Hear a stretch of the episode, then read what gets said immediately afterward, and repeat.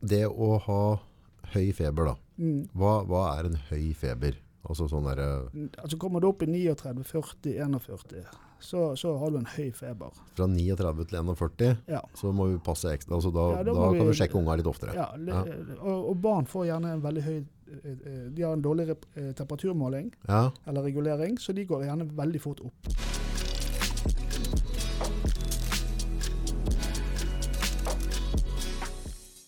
Tre, to, én. Velkommen til Nordpodden igjen. Dokk. Takk for det. Ja. Ja. Åssen eh, går, eh, går livet om dagen? Det går veldig fint. Ja. Eh, Det er jo vår og fint vær ute. Vår og fint vær. Ja. Du har jo merka litt avbestillinger nå, du òg. Du driver har med konferanser og foredrag. Ja. Så nå er det lite av den type virksomhet som jeg normalt driver med. Ja. Nå er det jo sånn epidemi. altså Det er, det er mye snakk om uh, unntakstilstander og krise og sånne ting. Hva er det som definerer en krise slash unntakstilstand? Altså en krise, Du kan ha mange typer kriser. Du kan ha en politisk krise, du kan ha en personlig krise. Eh, Stadig vekk. Stadig vekk. eh, og det som jeg vil si da, er at det er en situasjon som er unormalt i forhold til det som er normalen. Altså det, det har skjedd en, en, en forandring i noe. Eh, som gjør at vi må agere på det. At vi må, vi, vi må handle på det. Ja.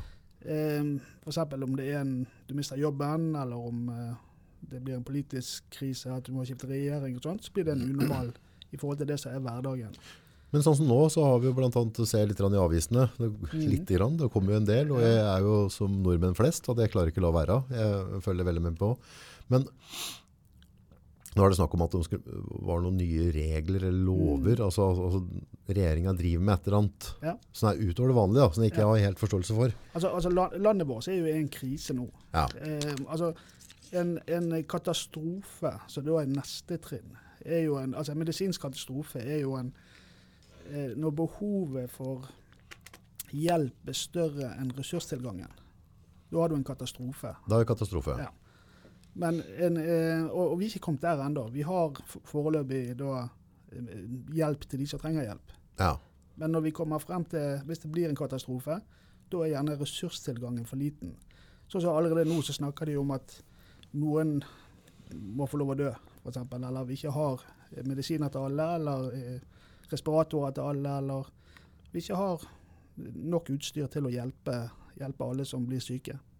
Så foreløpig så er vi bare i en krise, vi er ikke i en katastrofe. Ok, så per nå så er vi i en krise. Ja. Men hva, hvis jeg skal på en måte forstå når, eh, når er vi altså en katastrofe, når altså det med at de begynner å gjøre om regler og sånne ting, Mm. når, når, hvordan kan jeg klare å, å skille forskjellen? Ja, altså, det at de nå skifter regler og får nye lover og sånt, det er jo rett og slett for å være i forkant av en, av en eh, katastrofe og Ja. prøve å hindre den. Og det er jo normalt. Alle bedrifter gjør det, planlegger på det. Eh, Kriseberedskap, f.eks. Da går du inn og så lager du regler for hvordan skal eh, bedriften din eh, reagere hvis det skjer en plutselig hendelse, en brann, eh, Mm. frafall av leverandører og sånt. Eh, og så har du da eh, alle disse nye tingene som er uvant for oss, som Mm. gjør at vi sitter oss litt opp i stol og tenker hvorfor skal vi gi mer makt til regjeringen nå? Og det er jo fordi at de skal kunne snu seg litt fortere. Skal- hvis utviklingen går plutselig i feil vei. Mindre byråkrati hvis de trenger å snu om. Ja. Men igjen, så, altså, krise, kriseberedskap, katastrofe. Hva, hva tenker du? Har jobbet mye med kriseberedskap, men hva, hva, hvordan pla- har de en kriseplan allerede klar i Norge før dette skjedde? Er det noen som jobber med at de, en slags beredskapsplan? Da? Sykehus, senger? Ja. Alle, alle virksomheter har sin egen krise- og beredskapsplan. Problemet nå var jo at vi hadde gjerne ikke tenkt igjennom at det var denne type krise vi skulle ha. Eh, og det gjør at vi blir utfordret på en del ting. Eh, som gjør at eh, Altså, vi, vi lager gjerne en plan at vi har nok helsepersonell på Ja. sykehusene. Ja, Og nå er det plutselig for lite helsepersonell. ja. Og, og den har vi gjerne ikke vært innom og diskutert så mye. Og, og derfor så nå går de ut og så ber de de som har en altså helseutdannelse, at de melder seg. Og da kan de rett og slett bli beordret til å komme på jobb om de vil eller ikke. Ja, det stemmer. Men det er for at vi er i en krise. For vi er i en krise. Ja. Og hadde vi ikke vært det, så kunne ikke de beordra meg og deg til å, å Nei. møte opp på jobb, hvis det er det vi gjør. Da har vi andre lover, liksom. Ja. Eh, altså Du kan bli pålagt overtid og, og sånne ting i arbeidslivet i dag, men Jo, jo, men hvis du har jobba som sykepleier før og tenkte at jeg, jeg vil ikke være sykepleier mer, Ja. men nå kan faktisk myndighetene komme og si at du skal møte opp, dere. det kan de gjøre. Og da har ikke vi noen mulighet til å overprøve det, på en måte. Nei, altså det er jo en eh, altså Behovet til landet er større enn ditt personlige behov. Ja. Eh, så da blir det sånn. Ja, men det er jo litt riktig. Ja. Altså, jeg tenker jo at uh, for the greater good, da. Ja. Ja, det, er, det er jo sånn vi må tenke i det vi er i en krise nå. At uh, jeg og veldig, veldig mange andre som sitter rundt, har jo òg mye følelser rundt dette her. Ja. Men når alt kommer til alt, så er det landet og nasjonen Norge sitt beste vi må tenke. Ja. Men jeg kjenner jo det, jeg hadde jo en liten sånn suttergreie som jeg la ut på Facebook her. Eh, der jeg på en måte lufta litt sånn frustrasjon med at jeg føler at jeg Litt sånn tvetidig informasjon. Eh, jeg vil gjerne få, få forklart hvorfor det er sånn det er, ikke bare beskjed om du går den retningen nå, Mm. eh, på en litt sånn vaklende måte, istedenfor at jeg eventuelt da kunne liksom, av at vi må tenke sånn og sånn og sånn, at vi forklarer det på en litt sånn der, eh, ikke-politisk måte da.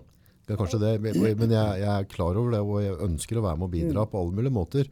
Så det er ikke sånn at jeg er ond, men, men igjen så føler jeg at jeg, også at jeg har rettigheter på litt informasjon, og da blir jeg litt frustrert. Altså det, som både du og veldig mange andre i landet føler jeg reagerer på, det er jo nettopp det at det er en, plutselig en ny situasjon for oss. Mm. Og vi har ikke fått den, de klare retningslinjene på hva vi skal gjøre. Vi føler kanskje litt lite tillit til sittende regjering, Mm. og da blir det litt eh, usikker. Hva, hva gjør vi? Mm. Og Derfor reagerer du helt normalt. Mhm. Eh, dette med kamp eller flukt, eh, Mhm. følelsene dine de blir aktivert. Du tenker 'jeg reiser på hytten', jeg kjøper inn nok mat og forsyninger til meg og min familie. Ja. Eh, og, og det er en helt normal reaksjon eh, så, som du får. Og hvis du agerer på den, så blir det sånn at du, du tenker veldig snevert på din, deg og din familie, Mhm. og ikke på det store samfunnet. Eh, så har du eh, fl litt flere aspekter enn dette. Du har noe som heter frys, altså du fryser. Det Mhm. ser vi gjerne i en ulykkessituasjon, at folk fryser helt, de vet ikke hva de skal gjøre. Og mange som har gjerne underliggende psykiske problemer, de er litt i den fasen nå, mange av de. Mm. At de, de vet ikke hva de skal gjøre, de, de er veldig sugen på informasjon. Mm. Og så har du de som på submit, altså du bare eh, Du gjør som du får beskjed om hele tiden. Ja, du blir bare robot. Ja, du, bare, ja. du blir bare robot. For å bruke et Men er det, er det forskjellige mennesketyper som reagerer på forskjellige måter, tenker Ja, du? og du vet liksom aldri hvor du er før du, re, før, før du havner der. Ja, altså Ja. Du ser de som går frivillig til å bli henrettet i, i Ja, dette er veldig rart. Hvorfor, hvorfor prøver de ikke å fighte? Det er nettopp den submit-følelsen. At de vet de, altså de føler at eh, Sånn som lest og studert mye av dette, så, så sier de liksom at folk blir litt eh, Ja, men dette skjer ikke. Det er litt sånn utenom seg sjøl-opplevelse.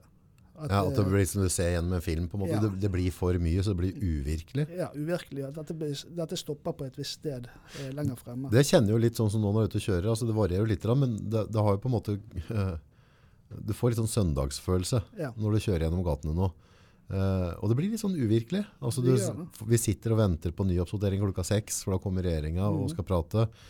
Og de som føler at hele Norge er samla foran de skjermene. Nå, nå, nå er det breaking news, nå skjer det noe. Ja. Og, så, når du sitter i bilen etterpå, så er det liksom litt sånn stille. Det er litt sånn rart. Det er litt uvirkelig. Akkurat sånn. Ja, og det, og det er Altså, hvis ikke du har vært vant til det, hvis ikke du har vært liksom i den settingen før eh, Og det er veldig få i Norge som har vært, Ja. vi har ikke hatt krig her på, på veldig mange år. Eh, men det som jeg er litt bekymret for, er jo at hvis vi nå mobiliserer alle kreftene på dette, så går det noen uker, og så går vi litt lei. Det skjer jo ingenting. Mm. Vi venter på den store smellen, og så Nei, men jeg føler meg fin. Jeg har følt meg fin nå i 14 dager. Jeg har sittet hjemme og bare Da begynner det å bli vanskelig få folk til å høre. Vet du. Ja, da begynner folk å, å sånn, Nei, vi går nå på besøk til naboene. Vi, går, vi lager en fest. Vi, Mm, vi, mm. altså, vi drar det ut litt, for det, det er jo ikke så farlig. Vi går litt lenger ut på isen. Ja. Hvis vi går ut på Mjøsa her og sier at ikke gå på isen for det er farlig, og du går utover og det er trygt, så plutselig går du igjennom. Så jeg er litt mer bekymret for de langtidseffektene av dette. At folk bryter da ut, for de tror ikke at det er så farlig likevel. Ja, jeg tror det, for det er en veldig sånn menneskelig greie. Det blir litt som vi pratet på tidligere, hvis du er ute i en, um, ja, en fiskebåt, da, Mm. og, så, og så går det på noe dårlig vær, Så si at du kanskje har, om du har et døgn eller om du har sju timer, og gudene vet. Altså du har i hvert fall en tidsperiode før du kommer deg trygt i land. Ja. Men du er egentlig i en krise, en Mm. unntakstilstand. Altså du er ute i full storm, orkan i kasta. Og det er litt sånn der, alt må fungere, hele, alle enheter må kunne fungere, ellers så kommer vi ikke i Mm. land. Og da har du på en måte en time som eh, kanskje ikke så lenge noen ganger, varierer litt, som du har mye adrenalin, du er veldig på vakt, du er veldig, altså, du er veldig Mm. sånn der, eh, nå nå skal jeg, dette skal jeg overleve. Men så blir du sliten av det. Ja. Du blir sliten av den, den høye beredskap Mm. du har, og så begynner du å gi litt sånn blaffen. Du slipper garden litt. Altså Ja. du bare, ja ja, og så finner du kaffekoppen og sigaretten, og så bare får dette bare rulle. Kjem i land, så kommer i land. Nettopp. Og det er jo det som er farlig. Altså, vi må jo innstille oss på at dette ikke er en, dette ikke er en sprint, dette er en maraton. Det er langt. langt. Dette er langt. Vi må allerede nå begynne å tenke på at dette kan vare hele sommeren. Ja. Det er gjerne ikke at vi er tilbake i en normal gjeng før til høsten, kanskje. Mm, mm. Og, og, og hvis du har det perspektivet, og kan planlegge for det, så er det kanskje lettere.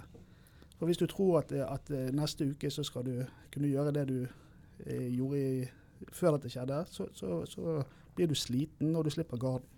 Men hvilken tanke kan vi sende hjem til folk da? For det, dette er jo, jeg tror de aller fleste kommer til å kjenne seg igjen Mm. i de følelsene vi får nå, og, og du kan jo dra paralleller fra stridssituasjoner. Ja, ja. For der kan du på en måte, du kan ligge et sånn utsatt sted. Mm. Eh, Første natta får du ikke sove, eh, for granata slår ned overalt, Mm. og så et eller annet tidspunkt så bare slår galgenhumoren litt inn, og så, og så blir det litt gøy. Men uh, det er en ganske fin måte å, ikke komme hjem igjen da. Mm. Uh, hvis du på en måte ikke kanskje har noen rutiner som plukker opp. For du blir sliten av å være redd. Du blir veldig sliten av å være redd. Og, det, og, det, og kroppen din vil forsvare deg mot de følelsene òg, for å beskytte deg. Ja. Uh, og det som, det som jeg, jeg alltid tenker er det beste, det er å ha disse rutinene. Rutiner. Stå opp om morgenen, gjøre de tingene du skal. Og nå er jo det vår, så nå kan jo du gjerne putte litt i garasjen, rydde garasjen. Du kan eh, gjøre litt i hagen. Du kan gjøre litt ting som du sitter deg som mål, og late som, eller sier til deg sjøl det er denne arbeidsoppgaven jeg har nå, når jeg er hjemme. Ja. At du ikke bare blir sittende og spise popkorn til langt på natt og se filmer, og, og ikke tenke på, på, på fremtiden, liksom. Eh, og en annen ting er jo Nå er det mange som får denne utfordringen med at de er hjemme med barn og eh, ektefeller. Ja. Og det er en ny påkjenning som gjør at Personlig så tror jeg vi vil få en del eh, skilsmisser etter dette. For det at det, det blir anstrengt når begge to skal være hjemme. eh, Og det er de her følelsene med Klarer vi å redde jobben? Klarer vi den økonomiske utfordringen som nå ligger? Mm. Og vi har barn hjemme så utålmodige, så jeg er vant til å gå på trening gjerne tre ganger i uken. Mm. Og, og alt dette kaoset som det blir hjemme. Da er det viktig også å kunne sitte seg ned og lage noen planer for familien. Ja. Ta en, en forventningssamtale, som jeg kaller det. Ja. Der du sier OK, fra åtte til, til, til to-tre så skal far eller mor sitte på PC-en og jobbe. Det er jobben deres. Ja. Og, skal, og barna skal gjøre skolearbeid. Ja. Men så skal vi gjøre noe felles etterpå. Ja. Vi skal gjøre noe brettspill, vi skal finne på noe gøy som er familie, og prøve å dempe de konfliktene som fort oppstår når vi er innelåst i en trang situasjon. Og der er det sånn, jeg ser bare sånn forhold til hjemme hos oss nå, så er jo kona hjemme med, med unga. Ja. Eh, jeg er her nede og, og gjør det jeg kan for å, Mm. forberede oss på den krisa vi er på tur inne. Så det er på en måte ikke noe tid for å hvile eh, for min del akkurat nå. Men jeg har jo en veldig, veldig sånn forståelse for at hun får veldig lange dager i huset hjemme. Mm. Veldig lite jeg kan gjøre ute. Det er ikke noe at jeg kan på en måte stikke ned og besøke en venninne på en kafeteria. Nå er vi på en måte veldig inne da. Mm. Kanskje finne på en eller annen sånn, ok, når jeg kommer hjem fra jobb, så kan du reise, kjøre deg en tur, Ja. eh, gå deg en tur alene. Altså, sånn at, Hun, hun trenger, altså Den partneren som er hjemme hele dagen, trenger også en pause. Ja, for det blir Eh, ganske brutalt 24-7 dette her, altså. Og, Og- som du prater på, det er maraton. Det er en maraton, og du skal gjerne få lov å tenke gjennom disse lange tankene. Med, altså Du er bekymret for økonomien, du er bekymret for barna ikke har det bra, du er bekymret for alt mulig. Og Da trenger du gjerne å gå deg en tur eh, og få lov å tenke ut uten at du blir forstyrret. Mm. Eh, og når det er fint vær heldigvis eh, her på Østlandet, Mm. så, så gå gjerne en tur. Mm. Eh, kom deg ut der hjemme. Få en pause fra det som er eh, altså barn som er aktive, en Mm. mann som kommer hjem og er aktiv og skal fortelle og alt mulig. Men heller få lov å, å, å ta denne pausen fra hjemmesituasjonen. Men i, i mye av de yrka du har vært sjøl, om Mm. det er eh, ambulanse eller om det er uh, ute i Forsvaret, altså Mm. der du er i krisesituasjoner, så vet jeg at det er veldig mange som bruker en debrief. Ja. Eh, er det en tanke at hun har en sånn brief på, på slutten av uka? Liksom, at den går gjennom briefer eller dagen, at vi legger inn sånne rutiner, ta med unga. Ja, ta gjerne, altså Ikke glem ungene i dette. For altså, de, Hvis de vet hva, de, hva som er forventet av barna, Mm.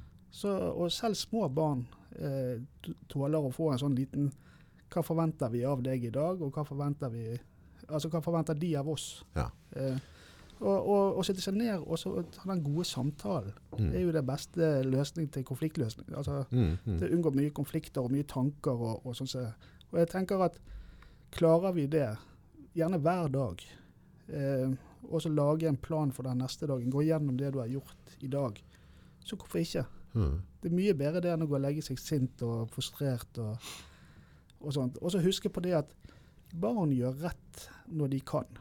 Bruk det som en tommefingerregel. Jeg liker sånne tommefingerregler. Ja, det er tommefinger. Eh, Vet du hvor tommefinger egentlig kom fra? Nei, visstnok? det vet jeg ikke. Jeg vet ikke om det stemmer, men jeg hørte at uh, fra gammelt av Mm. så hadde lov til å, å svolke kjerringa med en pinne så lenge den ikke var tjukkere enn en tommelfinger.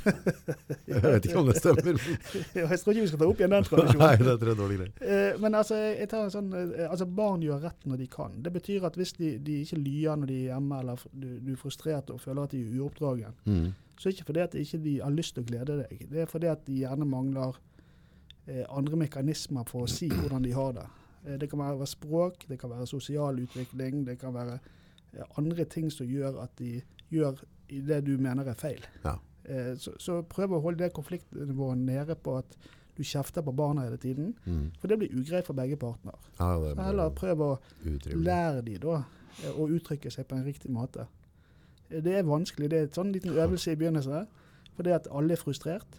Men, men hvis du har en sånn innstilling at de vil gjøre riktig hvis de, de kan det, Ja. da må du finne ut hvorfor gjør ikke de det riktig.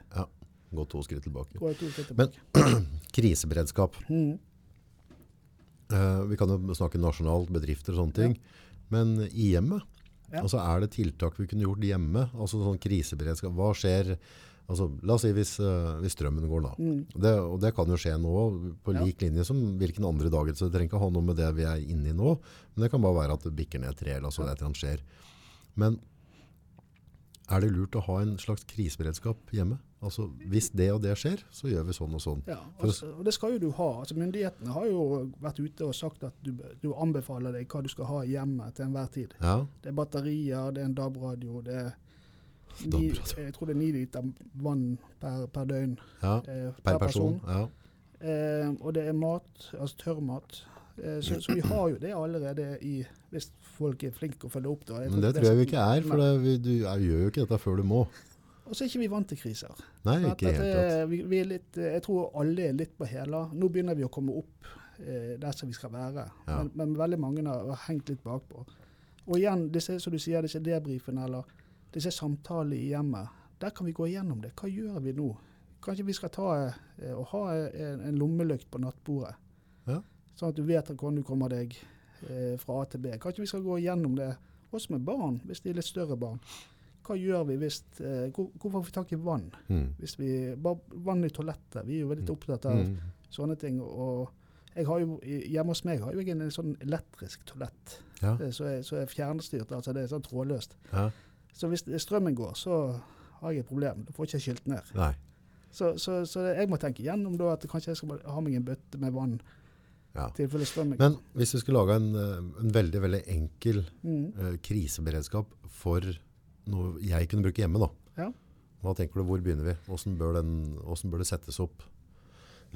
Hvis du tar, tar utgangspunkt i en kriseberedskap for en bedrift eller et eller annet, altså Ja. sånn veldig enkle, ikke så komplisert, men et eller annet enkelt som jeg kan enkelt implementere hjemme, at jeg kan komme igjen og så kan jeg vise til jentene.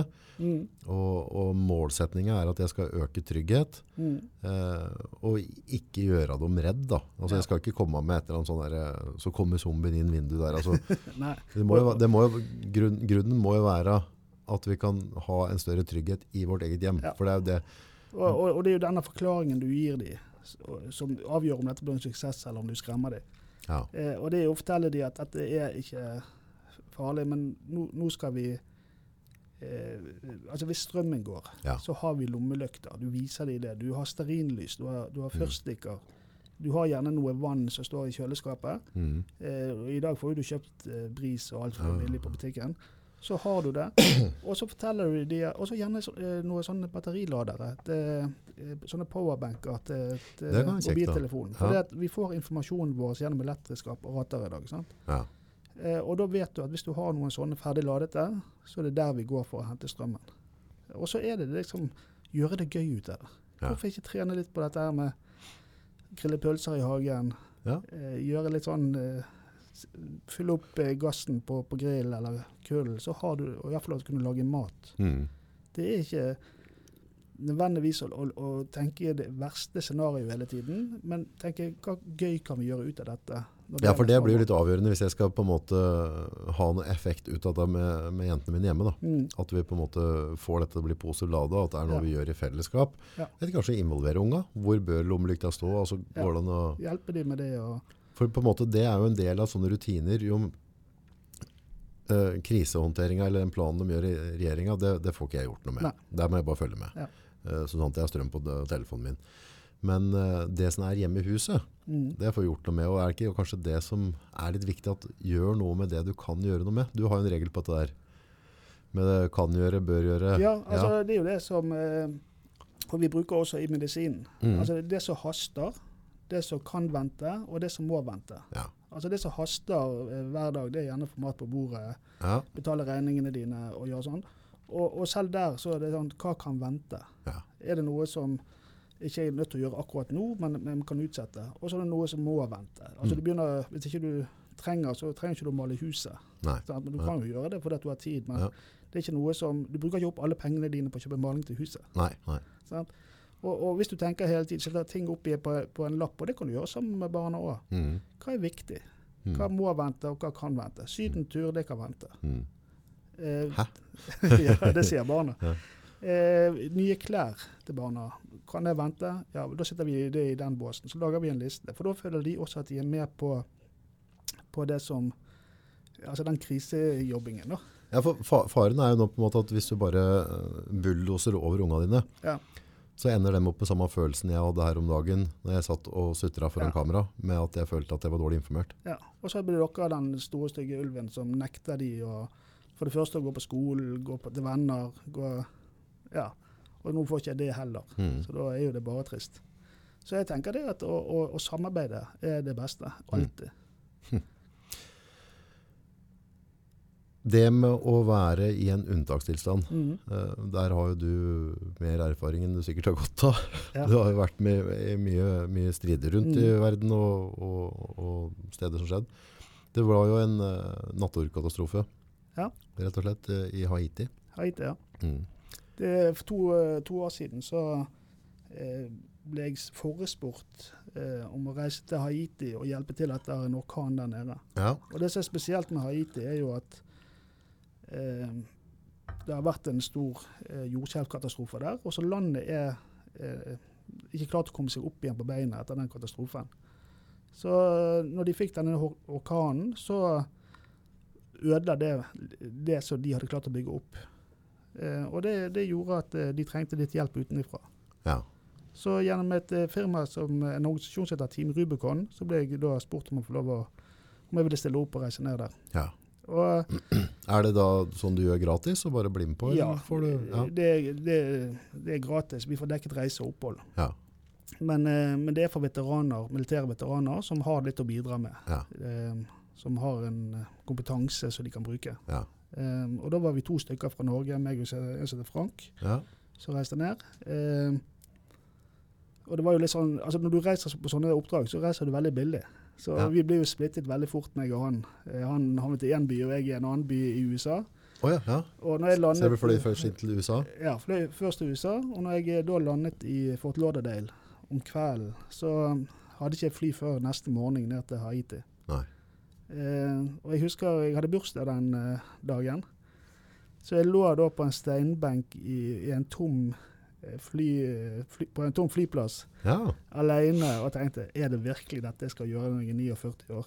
ja. Nå igjen, liksom? Nå igjen. Men altså, du får denne godfølelsen med å gå ut og hjelpe andre. Og jeg følte at eh, selv om det er tungt, og, og selve den fasen her du skal reise ned Når du kommer ned, så er det en helt annen følelse du får av å kunne hjelpe andre mennesker. Da blir Norge litt borte, eller? Norge blir for meg veldig borte. Ja. Ja. Jeg, eh, Da lever de i nuet der og da? jeg lever i nuet der og da. Gå inn i denne modusen Mm. som jeg tror mange veteraner har. Eh, de stiller opp, og de, de gjør en god jobb. Og de har en erfaring med seg som, som de kan bruke til å, å være i de situasjonene. Og det er jo det som jeg tror også mange gjør i dag, av disse veteranene. Vi snakker om det. At de ikke de får den panikken. De går inn i en slags, slags følelse der de bare gjør de riktige tingene. Og, så når vi da Når jeg kom til, til Haiti, så for det første så hadde jo jeg da ikke bagasjen min, for den ble stående igjen i USA. Så klart. Og det var jo ikke, eh, det var ikke norske temperaturer der nede. Det Nei. var jo veldig varmt. Ja. Du stod med boblejakke og Ja. stillongs? Så jeg ble jo stående fast i Port-au-Prince eh, noen dager. Og måtte gjøre litt ulike jobber før jeg kom meg videre til Sør-Haiti, der vi egentlig skulle være. Eh, så det jeg eh, gjorde da, det var at jeg Først satt jeg på operasjonssentralen Mm. og, og ledet operasjoner, eller sørget for at alle, alle fikk de forsyningene de skulle. Der har vi bilde av operasjons... Skal vi se, der. Eh, Dette, hvor er dette hen? Dette er i Port-au-Prince, eh, der vi hadde hovedkvarteret for alle eh, hjelpeorganisasjoner som var, var der nede. Der har du uniform. Er dette en Nei, det, den uniformen var rett og slett bare for å fordi at en, kan du si en, Til det, det klimaet som jeg var i, Ja. så, så, så brukte jeg det som arbeidsantrekk. Ja. Ja. Mm. Eh, før vi da fikk eh, utstyret vårt, og vi fikk på oss de T-skjortene som, vi- som vi skulle jobbe i. Ja. Eh, så var det neste oppdraget mitt det var å reise rundt med et småfly. Jeg og en amerikaner vi reiste rundt og delte ut medisiner. Småfly, er det sånn type Cessna med plass til tre-fire stykker, eller? Eh, Ja, der har vi bilde av det. Ja. Og vi reiste rundt i noen dager og delte ut eh, medisiner til eh, For de hadde jo ingenting. Og, og disse medisinene kom gjerne fra organisasjoner i USA. Når du sier medisiner, hvordan er det type vanlig Paracet? Alt. Alle Ja. typer. Også livsviktige medisiner Ja. så, som de trengte. Eh, men, men det Hvordan er det der nede? Er det mange som er på, med sukkersyke og, og trenger insulin Ja. og sånn der nede òg? Sånn er sånn, sånn livskritiske medisiner i det, daglig? det er også det der nede. Jeg, jeg vet Antallet det vet jeg ikke. Men, men at det er, altså det er folk som lever eh, under vanskelige og kummerlige forhold, som Mm. også har vanlige, og gjerne flere sykdommer enn oss. Mm. Infeksjonssykdommer Ja. eh, og sånne ting som så trenger den livsnødvendige hjelpen. For riper du deg opp der eller sparker borti et eller annet og får et sår, så kan det være noe helt annet enn å gjøre Ja. det Og oppe i- i Furnesåsa. Ja, og i varmen så, så gror ikke sårene så godt heller. Gjør de ikke? Varme? Nei, I varmen så blir de, gjerne Hvis du har vært i Syden og fått en rift, så Ja. er det gjerne helt til du kommer hjem. Å ja. Ja. Det har jeg ikke tenkt over, faktisk. Så, så, og det var jo veldig givende jobb da, å reise rundt på disse småflyplassene og dele ut eh, hjelp til de, de som trengte det. Eh, etter hvert så kom jeg også ned til eh, sør, sør, sørvest eh, Haiti, som da var det mest rammete området. Mm. Er det der vi har det bildet med, av hele der? Kan det stemme? Ja, det, dette er Port-au-Prince. Det er Port-au-Prince, ja. ja. Og du ser de bor jo Det er ganske tett og skur. Ja. Det er veldig mye skur, og, og de har ikke den infrastrukturen som vi har med så mye asfalt og strøm og sånn som det. er. Så, så, så de lever under kummerlige forhold der nede. Ja. Det, det er jo det fattigste landet på den vestlige halvkule. Det er det? Eh, og de trenger da eh, trenger veldig mye hjelp. Men altså, fattig, da, altså, da, da er det en struggle for å bare få mat på bordet fra dag til dag, eller er det, er det så Altså, på meg virker altså Det, det, det, det ser ikke ut som folk sulter der, men de har ingenting. Nei, de har bare det de står og går i. Nettopp. Og de bor i skur, og de har ikke eh, det som vi ser på som naturlig. da. Eh, altså Bilen er dårlig, det er vanskelig å få tak i skikkelig klær, det er, det er dårlig med strøm, og, og det er veldig mye korrupsjon blant, eh, blant lederne. Så, så det er litt eh, det, Så det er en stor forskjell fra, fra dem som bor på gata og dem som bor opp der. eh, men, men, jeg, men jeg så ikke noe sult, direkte sult. Eh, det, det ser ut som de klarte seg eh, De hadde ris og litt Ja. Ja. Og det klarte seg med mat. Eh, og når vi kom ned da til eh, sør, eh, sørvest i Haiti, så var jobben da å bygge skoler, barnehager, altså offentlige sted, eh, kontorer og sånt, som får får i gang igjen Rutiner. hele rutiner og systemet. Ja. Og, og det var jo klart, vi hadde jo Hvor viktig er det å ha skole i gang i, i sånne land? Det er utrolig viktig. Ja. Det, det, det, det er forskjell mellom suksess og, og, og feil. Altså, Ja. det, er, det er at du kan gå på en skole, du får barna får en utdannelse. Eh, du, du, du gir også håp til et samfunn, og, og du ser at du går fremover. Ja. Eh, så, så skole er vil jeg si, noe av det viktigste du kommer i gang med. Hm. Eh, bare for også det signaleffekten til resten av samfunnet at nå er vi, Vi er i vi, gang. vi er i gang, vi har struktur. Ja. Og det blir jo litt som prat med unger. Liksom. Altså, de, de gjør jo ikke ting feil bare for at de ønsker det feil. Det er bare Nei. at de ikke har fått lært om det. Ja. Og det har du jo mulighet til på skole. da. Nettopp. Eh, men problemet er jo at de har ikke, da, når de har mistet en skole, så har ikke de råd til å bygge den opp igjen sjøl. Eller Nei. utstyr til De har ikke eh, verktøy til å bygge det opp igjen. Hm. Så mye av det vi gjorde, det var da å, å rett og slett felle trær. Eh, så Og vi ryddet, lagre eh, planker? Eller Nei, bare rydde, rydde plassen igjen. Eh, og så eh, rive ned det som var ødelagt, og bygge det opp igjen. Ja, og da er det snakk om gjenbruk. Mye gjenbruk. Bruke opp igjen Ja. alt du kan bruke opp igjen. Det var veldig sånn sortering på hva kan vi bruke dette til. Er det sånn at du retter spiker, eller? Ja, det gjorde vi òg i perioder. Ja. Eh, og fordi at du får ikke tak i det sånn Du kan ikke bare gå i en butikk og hente det. Nei. nei. Nei, og ikke hadde vi penger. Vi, har jo ikke, vi kommer jo med arbeidskraft. Vi kommer jo ikke med så mye penger til å, til å gjøre disse tingene. Eh, så, da, så da blir det litt det at vi, vi tar det vi har, og så gjør, gjør vi noe godt ut av det. Ja. Og, og mange steder så måtte vi gå langt. Vi hadde jo en eh, skole vi bygde opp. Der måtte vi gå flere kilometer oppover langs en elv. For, komme, for veien var vekke.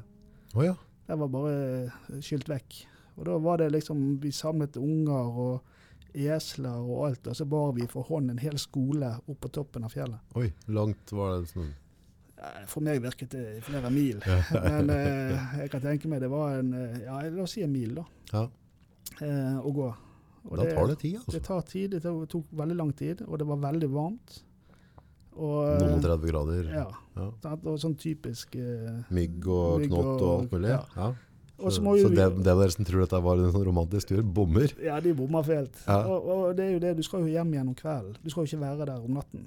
For da er jo det uttrykk for deg. Så På hvilken måte da? Nei, det er, det er kjeltringer der som veldig mange andre steder. Ok, så du kan bli rana? Du kan bli ranet og overfalt. Var kidnapping en fare der, eller? Nei, ikke så mye der. Nei. Eh, men det var ikke trygt for oss Nei. eh, å være der. Eh, og når den politiske, eller når situasjonen forandret seg, så, så, så måtte vi ta våre forholdsregler òg. Ja. Men, og og det, det, det som skjedde, var jo at vi rett og slett måtte evakuere. Fordi at eh, de hadde begynt å angripe matforsyninger fra FN. FN-styrken er jo inne i på Haiti. ja. Og de har som en del av jobben sin å dele ut matforsyninger. Mm. Eh, men igjen, når ikke du har tillit til, til ledelsen din og at du skal få noe, som vi snakket om innledningsvis, så, så angrep de da matforsyningene for å skaffe seg mat. Med, med type våpen eller Nei. kjepp og Kjepp og macheter og stein og sånt. Og, og de ble jo, da ble det en del eh, skutt av eh, eh, politiet, Ja. rett og slett, som skulle beskytte disse varene. ja, for det, FN har jo ikke lov til å gå inn og skyte, på en måte. Dem skal jo være en fredsbevarende, er det ikke Ja. det? Og så var politiet med og passa på de fredsbevarende igjen. Ja. Så da ble det rett og slett oppstøy, eller opp, Opptøyer. opptøyere. Ja, og demonstrasjoner. Ja. Og på et visst punkt der så ble det bestemt at alle hjelpearbeidere da måtte trekke seg ut, for det var rett og slett farlig for oss. Ja, for det, hvis, du, hvis du er hvit mann i et sånt land, Ja, eh, og de, noen eh, av samme rase som deg gjør et eller annet, så blir du stempla, gjør du det? Jo, det blir sånn, eh, naturligvis. Mm. Eh, og vi blir jo på en måte et symbol fra de rike i Vesten som, ja. som utnytter dem. Ja. Og de har jo blitt utnyttet gjennom mange Ja, På generasjoner. hvilken måte da? Nei, de tømte Altså, eh, all skogen her ble jo hugget ned. Okay. Eh, og pengene forsvant videre. Og alle, veldig mye av hjelpemidlene som kom, skulle til Haiti etter jordskjelvet, kom jo aldri frem. Eh, så det har vært Det er mye bitterhet blant de, de jeg snakket med, i hvert fall. ja. Om eh, Er det vanskelig å nå inn og skjønne at de skal få skjønne at du er der for å hjelpe deg? Føler du at du liksom blir Ja, altså- mistenkeliggjort? Nei, vi ble ikke mistenkeliggjort. Vi ble godt tatt imot. Ja. Men, eh, men det ble gjort en sikkerhetsvurdering på at, eh, at eh, nå er det så utrygt. Det er så mye oppstandelse og demonstrasjoner og stengte veier at vi får ikke gjort den jobben vi er kom for å gjøre. Nei. At vi da tar, Og alle organisasjonene som var der nede, de bestemte seg for å evakuere tilbake til Port of Prince. Mm. for å ta en ny vurdering der. Mm. Jeg ser Eh, Vi har et bilde her. Der går det med krabbe. Ja. Eh, barna var jo veldig på oss, Ja. For det at eh, vi gjorde jo også sånn at når vi, den maten vi hadde Vi fikk alltid forsynt eh, gjerne middag ut. Og da bare delte vi den videre ut. Så vi levde jo på stridsrasjoner. Ja. Så, så den maten vi kjøpte der nede som egentlig skulle, vi skulle spise, den fordelte vi ut og godterier og sånt. Og det var jo veldig populært hos barna. Ja, ja, klart det. Eh, så når vi kom tilbake til Port og Prince, så eh, var jo vi litt sånn Hva gjør vi nå? Ja, For da, da hadde du blitt evakuert ut, var det Da, sånn? da ble vi evaku evakuert ut med et helikopter, og så eh, ble vi litt sittende litt sånn Der har vi med flymaskina di òg. ja. Ja. Så vi da ble alle som var i området, alle organisasjoner og alle, de ble da løftet ut med helikopter. De bare kommer inn og henter dere. Nå skal dere ut. Nå skal vi ut. Og det var liksom på timen. Ja. Og, eh, nå- Og det var så Ja. Det var ikke noe, det var ikke noe diskusjon. det var ikke noe kiss and goodbye. Det var bare smokk Ja. ut. Ja, og, og det er jo litt sånn som jeg følte på etterpå, at vi ble ikke ferdig med enkelte prosjekter. Nei. Og, og litt sånn litt skuffelse av det, da. Ja. For det, du reiste jo ned der for å gjøre en god jobb. ja. Så det vi gjorde når vi kom tilbake igjen til Port-au-Prince, det var at vi ble kontaktet av en, en som drev et barnehjem, ja. som hadde fått ødelagt taket på barnehjemmet, og spurte om vi kunne hjelpe. Så Hm. vi reiste opp der, og vi så Det er jo forferdelige forhold. Det Kanskje jeg har noen bilder der òg, fra Ja. barnehjemmet. Skal vi se. Der driver du med tak. ser. Det er tak vi, vi bygde på en skole, faktisk. Hm. Ehm, og, men altså Når det regnet inn der, så regnet det rett på sengene. Så, okay, så, så du- barna ble jo liggende da i våte madrasser og, og sånt. Det var ikke noe varme om nettene. så de kunne Det ble varme kaldt om natt? Det ble kaldt om natten og, og sånne ting. Og det gjør at eh, når vi så eh, dette barnehjemmet, så bestemte vi oss veldig fort for at her må vi gjøre noe. Men å få tak i Vi hadde jo ikke penger, som sagt, til å kjøpe material. Så det vi gjorde, mange av oss, det var at vi gikk sammen og skrapte sammen liksom det pengene vi hadde. Eh, så vi klarte å Du tømte kontoen. dømte, konto, tømte kontoen. Og, og, og vi fikk tak i da, eh, plater til taket og noe, noe material.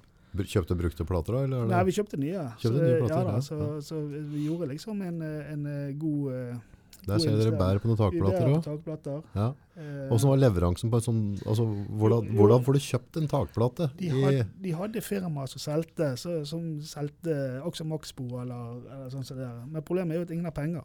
nei, åssen funker prutinga der, da? Altså, altså, Nei, jeg ville tro at det var en hard bargain Ja, for å få kjøpt noe. ja, vi prøvde hele tiden å, å gjøre det billigst mulig. Men, men Tok de da hensyn til hva dere skulle bruke det til? liksom? Nei. Nei. De gjorde dessverre ikke det. For det at, eh, jeg tror nok de er så vant til det å se at eh, folk har ikke penger. Ja. At de er vant til at folk prøver å, å bruke argumenter for at det er dette de trenger. Um, så, så noe særlig dette bildet nå, det er jo da uh, fra det barnehjemmet. Dette, uh, dette er et barnehjem. Dette er barnehjemmet. Ja. Her er sovesal da for, eh, for barn, uh, altså gutter og jenter. De hadde hver sin eh, sovesal. Avdeling. Ja. Så ser jeg en slags ovn der. Var det en slags pizzaovn, eller er det Ja, det var der de lagde mat.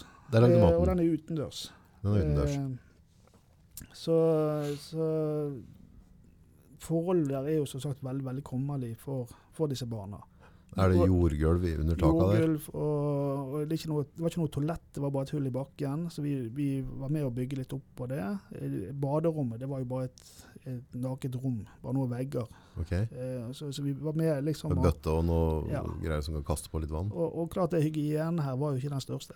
Nei. Så vi prøvde med det vi kunne, da forklare de og hjelpe de med å bygge opp noe som var mer brukendes over lang sikt. Og forklare viktigheten av en hygiene, da. Viktig av eh, renhold og, og vaske hendene før de spiste og, og, og sånne ting. Ja. Eh, og det er, For der nede så kan det være vinn eller forsvinn? Ja, altså nå tåler de litt mer enn det vi gjør av faunaen der nede. Men, okay. eh, men eh, klart, vi så jo Det var masse barn med diaré og orm og sånt. Og, så det vi gjorde også da, det var jo noen av oss med medisinsk bakgrunn. Vi gikk over på apoteket og kjøpte eh, ormkurer Ja. eh, og medisiner som vi, vi da Vi tok en runde med de og ga de eh, kur. Eh, for det var en del diaré og, og sånne ting i, blant disse på barnehjemmet. Og det er jo naturlig, når én får det, så er jo det smitter det. Ja. Hvor, hvor kjapt kan en sånn orm smitte? Er det, går det Det, det, ja, det går gjennom eh, mat og Ja. og alt mulig. Så det, det, på et sånt lite område som de hadde, så, så er ikke mange dagene før én er syk til alle er syk. Det er nok med at en med en type ja. orm vasker seg i samme bøtta som du drikker fra etterpå, eller stikker Ja, hånda ned. Eller, ja, ja, det er jo toalettforhold, og toalettet var jo rett ved siden av der de lagde mat, sant? Så det er litt, eh, det er litt sånn, sånn litt som med koronaen nå. Vi skal holde avstand. Jeg husker eh, jeg var med hm, Når var det? Det var kanskje rundt 2000 eller et eller annet. Mm. Eh, Med NRK og Redd Barna var filma i Kambodsja. Ja. Det var akkurat da på en måte kommunismen falt der, så vi var veldig veldig tidlig inn. Så det hadde vært en lang periode som det ikke var lov med verken papir eller blyant og sånne ting. Ja. Og da var vi bl.a. ute og leverte eh, skolemateriell da, til skoler. Eh, men der er det mye landminer, som du vet. ikke sant? Mm. Så der er mye sånn floating village. Så det var tolv timers kjøretur inn i, inn i skauen, og så var det på sånne kanalbåter. Kom ut på de flytende landsbyene. Og da var um, på, på hver sin side av plattformen, da, for du, på en måte, du har en plattform med tak, der det på en måte var skole, og så hadde du inne der læreren eller rektoren bodde, som vi lå oppe på gulvet på sånne bambusmadrasser. Og på venstre sida så hadde du toalettet som gikk rett ut i vannet. Og på høyre sida sto de og lagde mat og vaska Mm. opp. Ja. Og da tipper jeg det kanskje var liksom fire-fem meter fra toalettet. Mm. Så jeg, sånn, jeg satte meg ned på gulvet der, og så Det var ikke noe sånn rask vei tilbake til hotellet. sånn. Altså, der, der skulle vi være. Ja. Jeg sitter der, der kom jeg, og jeg var ganske stor, da, så var jeg veldig interessert i å se hvor mye mat er den der kledden der klarer å ete egentlig. Så de dytta bort slanger, og det var liksom frosker, Mm. og det var ris, ikke sant? og det var alle strakk i halsen. Og, ser liksom, hva, hva, og så ser jeg liksom de står og vasker på ene sida fatet, og så ser jeg på andre sida sitter de på do. Ja. Tenkte ok, ja ja, shit, det, det får da bare gå. Ja, altså jeg så jo det, altså det blant denne denne elven vi gikk langs. da, Ja. At de bader og vasker klær eh, på ett sted, og lenger ned på elven så henter de drikke, drikkevann. Ja, Vi kunne begynt snudd på det, i hvert fall. på det, Ja. Og, men, men klart at, at eh, Og der har jo hjelpeorganisasjonen en viktig jobb. Å gå inn og lære hygiene. Mm, Basic mm. hygiene. Mm. At du, du har litt mer avstand mellom toalett og eh, der du vasker deg eller lager mat, eller vasker klær og sånn. Ja, men klart har de ikke fått informasjon. Jeg husker jo, det er faktisk en ting jeg lenge siden har tenkt på det der, men eh, når vi kjørte den ene kanalbåten utover, så var det eh, han som kjørte båten hadde med dattera si. Kunne være jente fire-fem år eller noe. Og Hun ble veldig fascinert av meg, for dette var såpass langt ute, så har det på en måte vært et lokka land. da. Mm. Så hun hadde nok aldri sett en hvit mann før. Så hadde hun satt én time og, og drog sånn på huden min, Ja. så kikka, og så glista.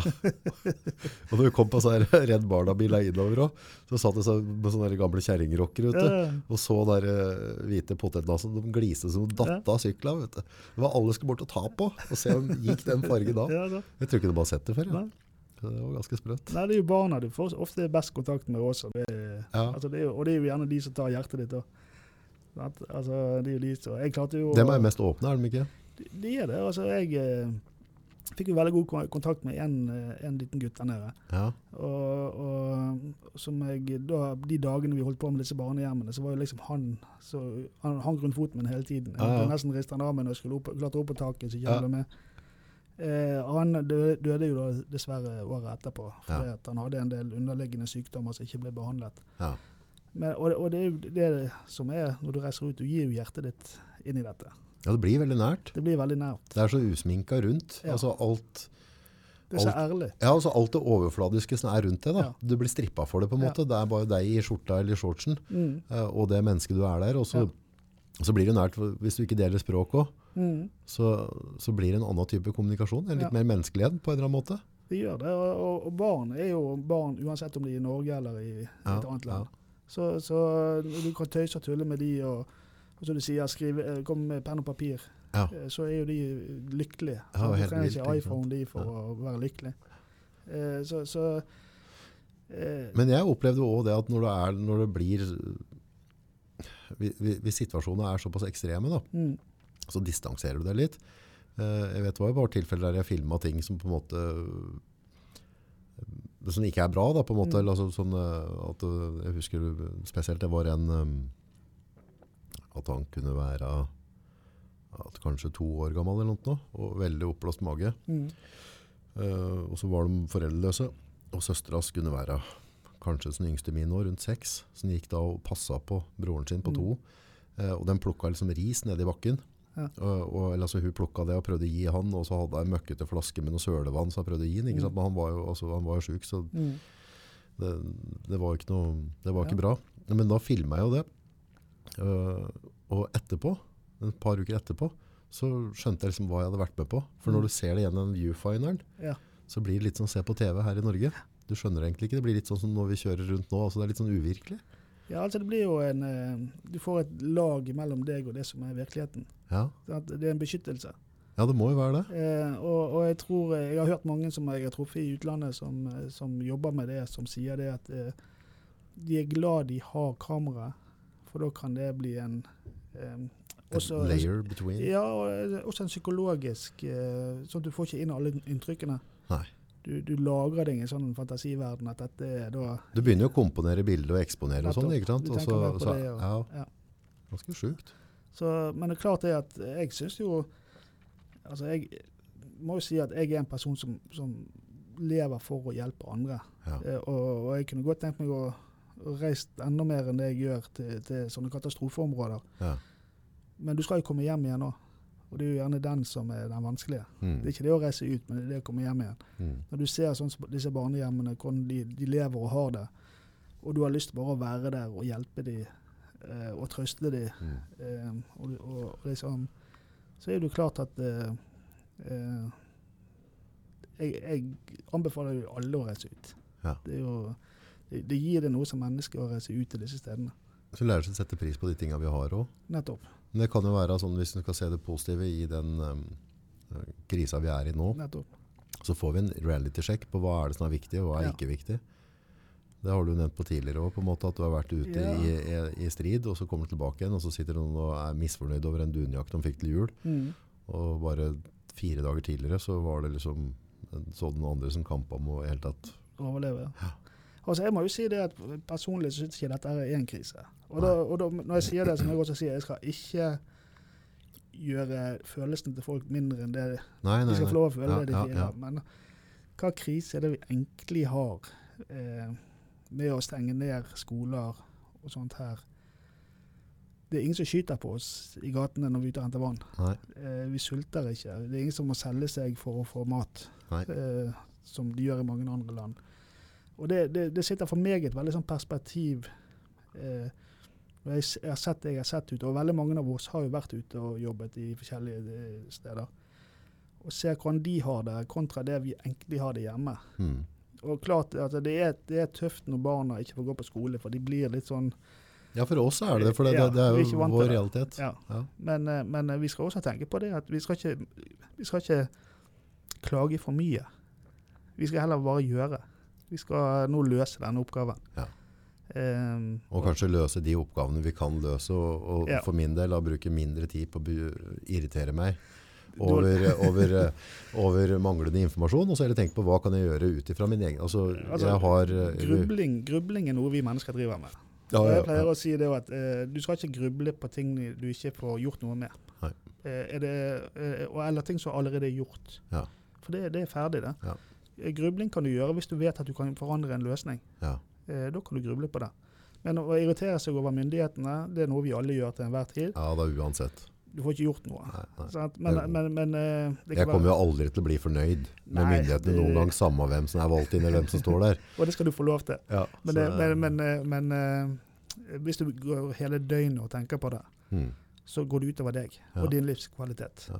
Så da eh, Men jeg merker nå er jeg veldig sånn på, og det, det mistenker jeg at det er flere andre også, vi er veldig sånn, jeg er hyppig inn på VG og Dagbladet for å sjekke oppdateringer hele tida, veldig interessert i hva som skjer. mm, Uh, jeg går liksom og venter, uh, nå, sist jeg så nå, så var det 1400 eller 500 som var smittet. mm, Som er inni meg, og så, og så går jeg på en måte og gruer meg til, eller Mm. er forberedt på at bom, det er 10 000.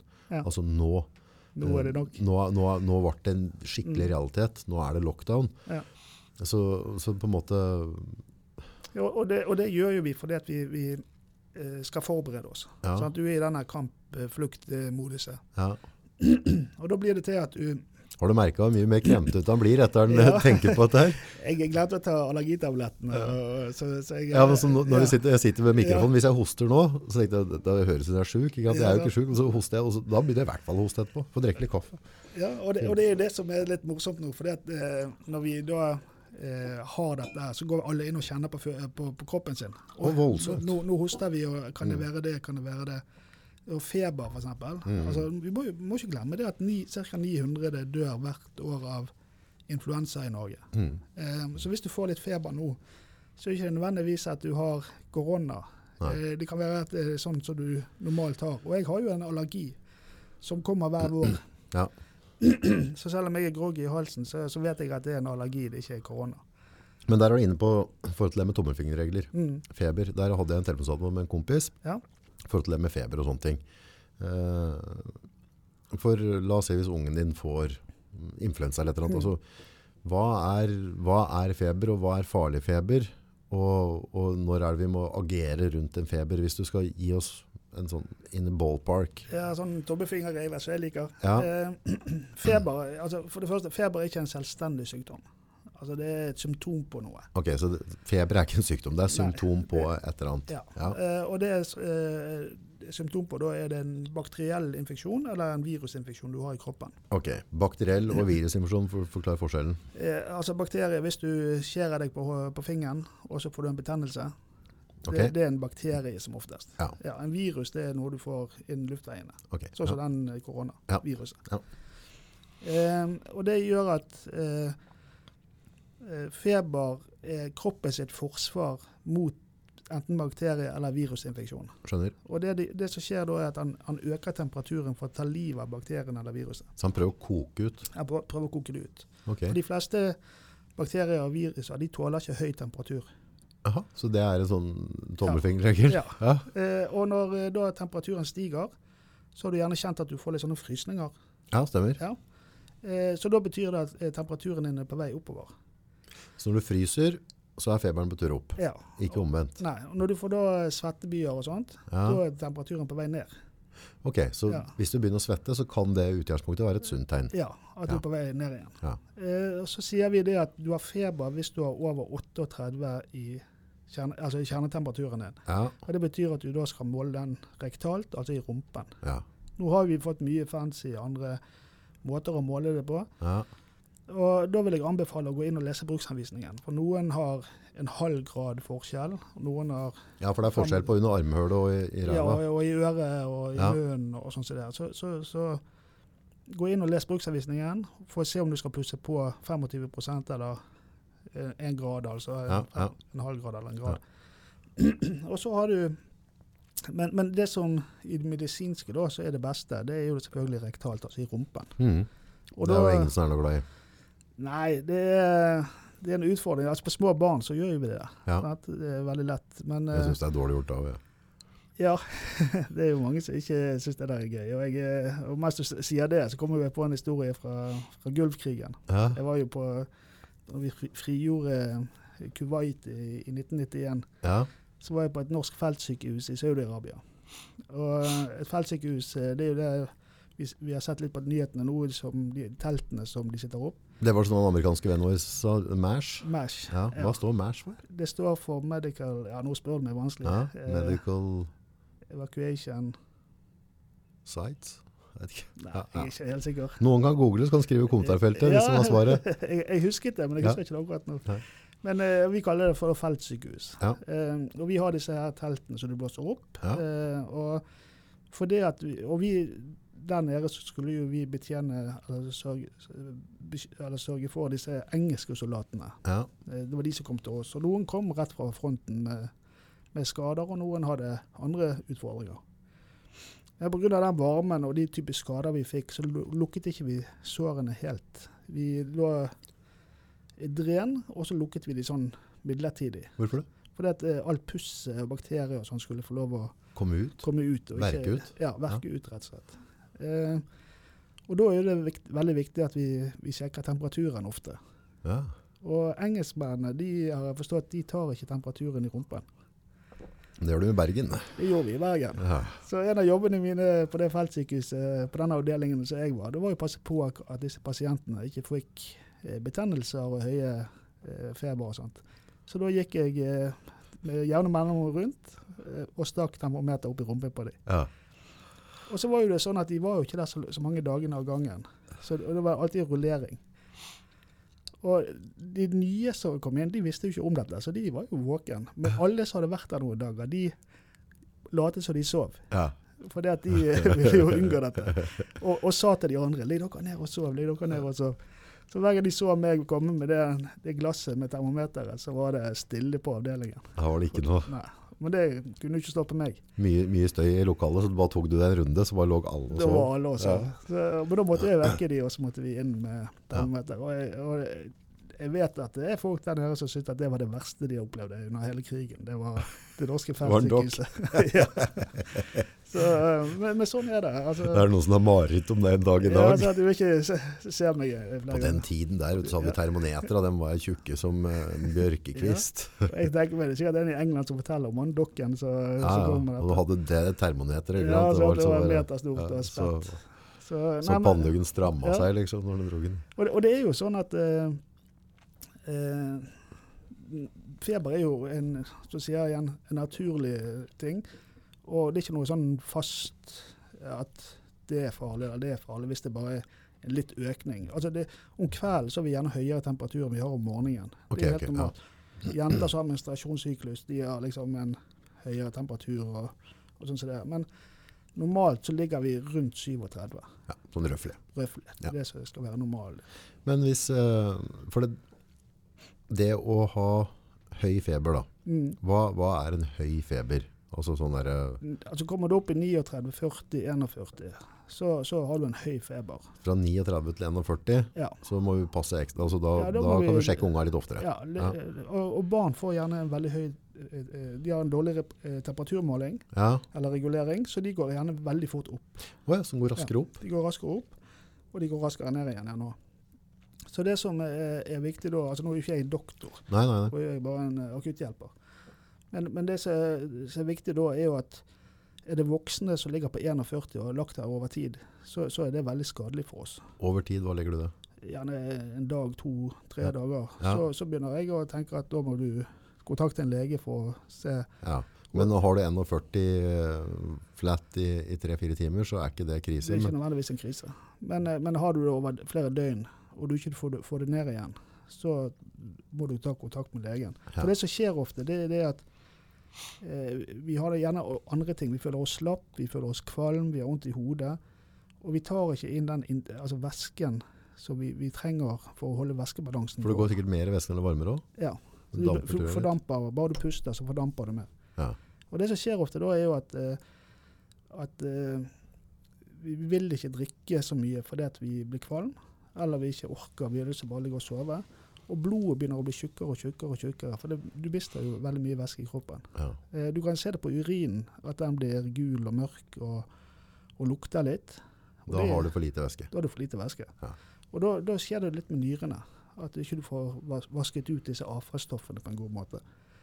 Så, så det viktige det er å, å, sjekke urinen, få i seg mye drikke. Gjerne unngå brus og sånne ting, for det, det er for mye sukker i det. Mm. Og da blir du gjerne litt mer kvalm før du blir Ja. eh, Så da er det ikke så lett å drikke etterpå igjen. Nei. Nei. Så, så, så Men er det sånn at du liksom tvinger unga vann, eller altså, prøver du altså sånn at du, ok, nå har vi en halvliter vann her, det, vi har en målsetning at det skal vi få oss i løpet av en time, halvannen. Ja, altså du, du, du kan gjøre litt ut av det. Sant? Altså du kan prøve å forklare at selv om ikke de er tørst, så må de ta, det, så ta en munnfull med vann. Ja. Og så gjøre, prøve å forklare det på en god måte. Det er vanskelig hvis barna er veldig veldig små. Ja. Og da tror jeg jeg ville gjerne ikke brukt så lang tid før jeg tok kontakt med lege. Nei, for da er det vanskelig med allmenntilstanden. Og så Ja. har du barn i 6-14-årsalderen, så kan du prate med dem. Og, Ja. og De kan fortelle, og du kan se gjerne bevisstheten. eh, Når du er sjekker bevissthet, hva, hva er liksom, eh, når er det du tenker at nå er ikke August ved sin fulle fem? Det sitter sikkert og tenker nå, men, men sånn, hvis jeg hadde løyet dårlig da, Ja. og du har kommet til, kommet til meg, og så hva er det du, hvilken checkmarks tenker du skal Ja, altså, være det, på det ene er jo om du er sterk og klar, altså om du er sånn så jeg kan snakke med deg, du kan respondere på de spørsmålene jeg har. Ja, Eh, og så er det det om du begynner å bli Du må tenke deg om, og du begynner å bli uklar. Du er liksom, eh, sånn som du er når du kanskje er veldig beruset. Ja. Tenker, folk har jo sett det. At ikke du er helt til stede. Og så er det det at jeg er nødt til å påføre deg litt smerte for at du skal Altså jeg er nødt til å ta i deg eller knipe litt i deg. Du må riste litt mer for å få Ja, kontakt. For, for litt kontakt. Og så er det da når du ikke reagerer på det engang, da er det gjerne bare at jeg ser på smerten, at du har smertereaksjon. Mm. Eller da til slutt at du ikke reagerer på noe. Mm. Så da kan det være sånn at du klyper meg litt i armen for å se om jeg kniper i Ja. øya. At du, du beveger armen vekk fra det som gjør vondt eller sånt. Ja. Men, og, eh, men, og hvis du eh, slutter med det, da, da, da er det ikke bra. Da må du ringe fort, altså. Ja. Da, da har du det travelt. Men allerede der du merker at jeg ikke er i helt mine fulle fem, altså jeg virker litt småfull, eh, er det på tide å ringe da, tenker du? Ja. Ja. Altså, jeg, eh, altså, jeg gjør det. Ja. Jeg, jeg, jeg, jeg tenker det at jeg har ikke noen ressurser hjemme å hjelpe meg med. Jeg har ikke noen venfloner jeg kan sette i deg. Jeg har ikke noen måter å få i deg medisiner hvis ikke du kan ta det oralt, altså spise det. Så da tenker jeg at det er, når allmenntilstanden er så slapp at du ikke klarer å reagere på det jeg sier til deg på en ordentlig måte, så, så bør du, Da skal vi ha hjelp. Ferdig. ha hjelp Ferdig fra Ja. helsepersonell. Og feberen skal ikke henge. Nei, For lenge. jeg skal ikke henge for lenge. Nei. Nei. Er det normalt at feberen kan gå og flekse litt opp og ned Ja. i døgnet? Det, er også det spørs også hvilke medisiner du bruker. Sant? Altså Ja. Hvis du tar febernedsettende, og når den virkningen begynner å gå ut, så vil gjerne temperaturen gå litt opp igjen. Ja. Ja. Febernedsettende er det Altså, feberen er jo der for at du skal drive bakteriene ut. Ja. Er det dumt da å ta Paracet? Nei, jeg syns ikke det hvis det Altså, jeg pleier å ta Paracet når jeg føler at nå begynner jeg å bli slapp og få vondt i hodet og føler meg litt uvel. Ja. Eh, Jeg tåler litt, eh, så jeg tar nødvendigvis ikke Paracet bare jeg føler at jeg er litt varm i pannen. Eh, Så tål litt, tenker jeg. Ja. Men når du føler at dette, nå begynner det å gå litt utover kvaliteten, Ja. så, så ta, kan du ta Paracet for å få det ned. Ja, for altså, Hvis jeg er oppe i 40 feber, da, så gir det meg Paracet, Mm. og går inn til 39, så kanskje du får med litt væske da. At jeg er litt mer motivert for å, um, Ja. Å fylle på litt. da. Så, så føl litt, eh, tenker jeg. Men Eh, rundt det hvis den har feber? Altså, Er det knallviktig å, å tukte inn en brødskive med brunost da, eller kan vi på en måte holde fokus litt på Ikke de første, første dagene, så tenker jeg det at eh, hvis det, du er kvalm og uopplagt, det, det, hvorfor skal jeg fremprovosere at du kaster opp? Ja. Sant? Men klart, du skal jo ikke ligge en, en uke uten mat. Nei, nei, nei. Nei. Da må vi inn med noen andre tiltak. Men, men en vanlig sånn en, altså Hadde ikke vi hatt korona, så kan du tenke hadde vi hatt en vanlig eh, Ja, vårforkjølelse eller influensa, så, så tåler vi noen dager med litt sånn reduserte ting, og så, ja, og så kommer vi i gang igjen.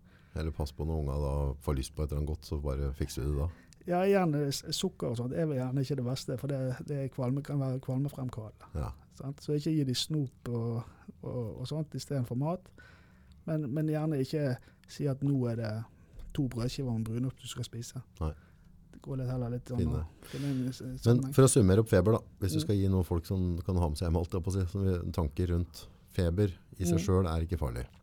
Feber er et symptom på at det er noe annet, eh, altså en bakterie eller virusinfeksjon i kroppen, Ja. som oftest. Eh, og det er nødvendigvis ikke eh, Altså det er jo derfor Det er en grunn til at du har feber. Ja. Eh, og hvis du har bare en liten feber, så trenger ikke det være noe. Men hvis du da ligger med en høy feber over lang tid, så kan det være skadelig for deg. Altså det kan, Og høy feber begynner fra 39 oppover, på en måte. Da. Ja, sånn si røftlig. Ja. Ja. eh, og du skal ikke ligge det for lenge uten å ta kontakt med lege. Så Det er, det, ligger det er det jeg gjør. Ja, ja, Ja. ligger de på, i hvert fall nå i de tidene vi er nå, da. Så Ja. det type ligger det døgn med høy feber, Ja. eh, og du merker at, på en måte, at de blir slørete, Mm. du, får ikke, du har ikke en klar samtale, Ja. så, så ta kontakt. Ja. Enkelt og greit. Enkelt og greit. Så bra. Ja. Takk for uh, dagens pod, og takk for deling.